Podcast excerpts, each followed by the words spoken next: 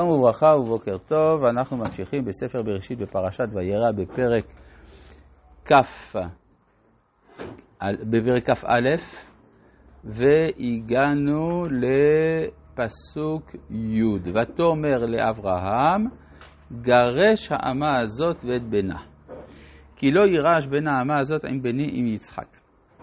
אז אנחנו דנו אתמול בשאלה מה זה מצחק, ואמרנו שיש שלוש דעות בין התנאים. שהיא הבחינה שרה בצחוק של הילד שמדובר או בגילוי עריות או בעבודה זרה או בשפיכות דמים, אבל רבי שמעון בר יוחאי חולק על התנאים האלה ואומר שהדברים האלה לא נראים לו. מדוע? משום שלא יעלה על הדעת שבבית אברהם, שהוא זה שנלחם כל כולו נגד עבודה זרה, שפיכות דמים וגילוי עריות, שיהיה מישהו שיעבור את העבירות האלה. לא שלא יכול להיות שיהיה מישהו עם היצר הרע הזה, אבל שמישהו שבפועל בבית אברהם ככה ינהג, הדבר הזה איננו סביר, ולכן אומר שהיה פה משהו אחר. מה היה? הוא היה מצחק על יצחק, ואומר, אני בכור ונוטל פי שיניים. ומנין לא זה, שזאת הייתה, שזה היה הצחוק של, של ישמעאל, כי הרי שרה אומרת בפסוק שלנו, כי לא יירש בין האמה הזאת עם בני עם יצחק. אז משמע שמדובר פה על עניין הירושה, ועל זה היה התוכן של הצחוק. אף על פי כן, יש לנו כאן דברי תנאים שאומרים דברים אחרים. אלא מה? הטענה של רבי שמעון בר יוחאי היא מאוד משמעותית. היא אומרת, יש הבדל בין שני סוגים של התנהגות של ישמעאל. יש ישמעאל בבית אברהם ויש ישמעאל מחוץ לבית אברהם. כשישמעאל בבית אברהם, לא ייתכן שהוא יעבור עבירות בפועל נגד אלוהי אברהם. אבל, ולכן הוא חולק בעצם רק על אלוהי יצחק.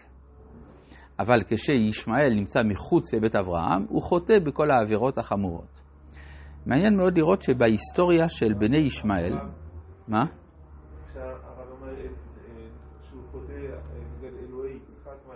אנחנו מיד נסביר מה זה אלוהי יצחק. כן? כלומר, אלוהי יצחק זה מי שנותן את הנחלה ליצחק, ועל זה הוא חולק. הוא חולק על השייכות לארץ ישראל. כן, ואנחנו רואים שבמהלך ההיסטוריה, בני ישמעאל היו להם שתי תקופות פחות או יותר שוות מבחינת אורכן. התקופה שבה, שהם קוראים לה תקופת הבערות, או בערבית אל-ג'היליה. זאת התקופה שבה בני ישמעאל היו עובדי עבודה זרה, מגלי עריות ושופכי דמים. וזה בעצם ישמעאל מחוץ לבית אברהם.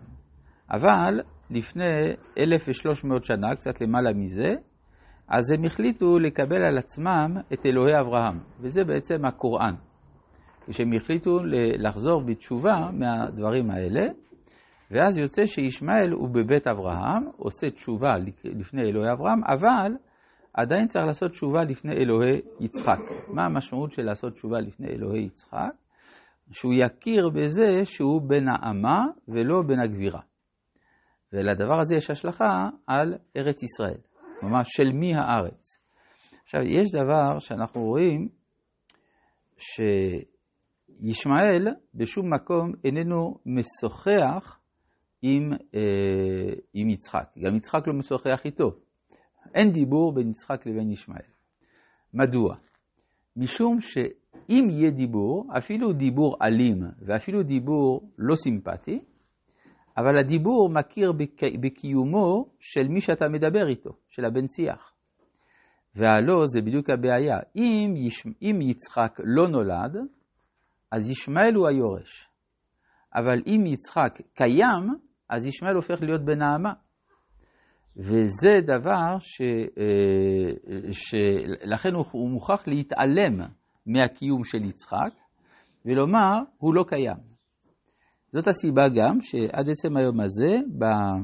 אצל בני ישמעאל, אין שום מוכנות לקבל מדינה אפילו מידיהם של בני יצחק.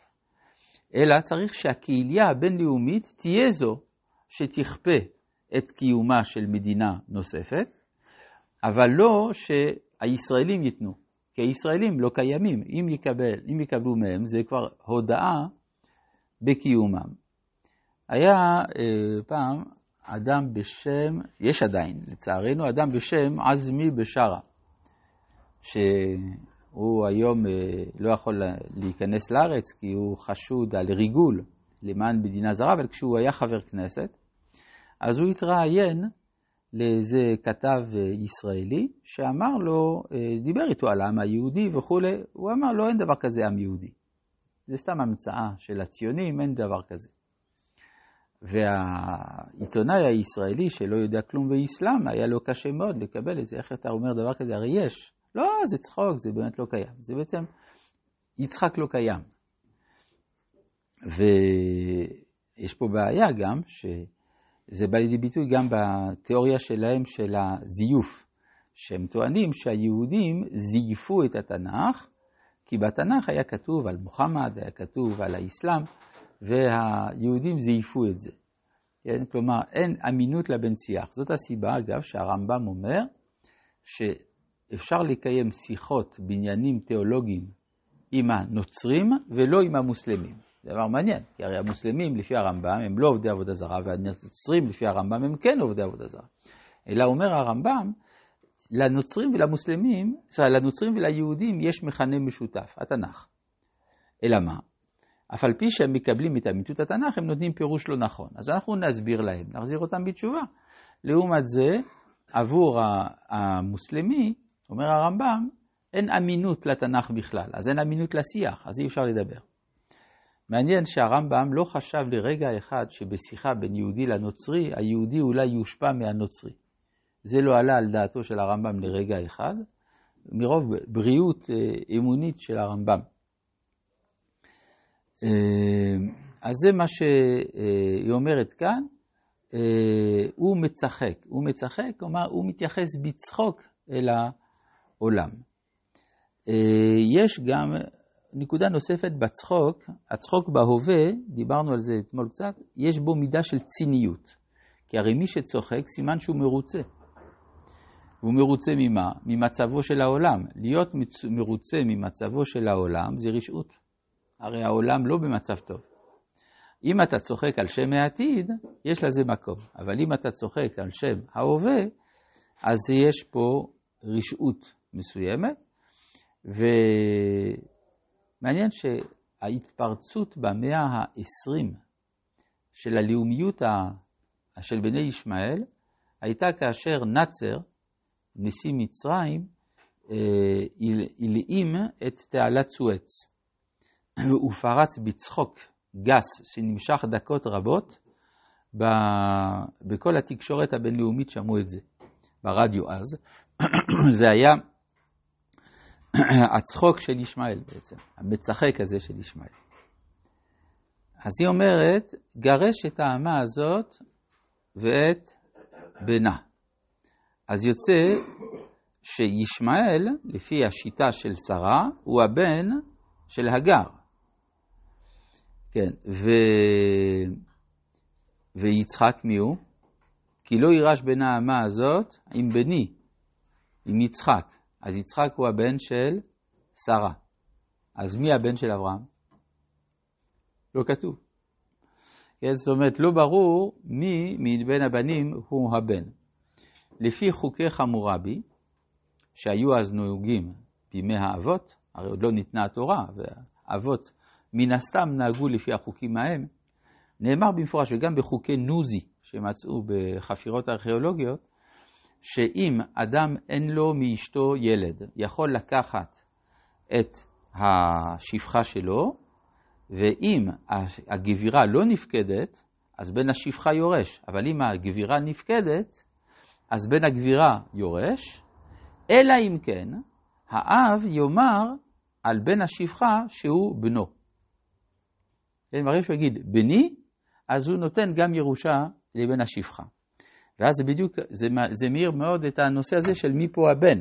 ולכן כתוב, וירא הדבר מאוד בעיני אברהם על אודות בנו, לא ברור מי זה בנו.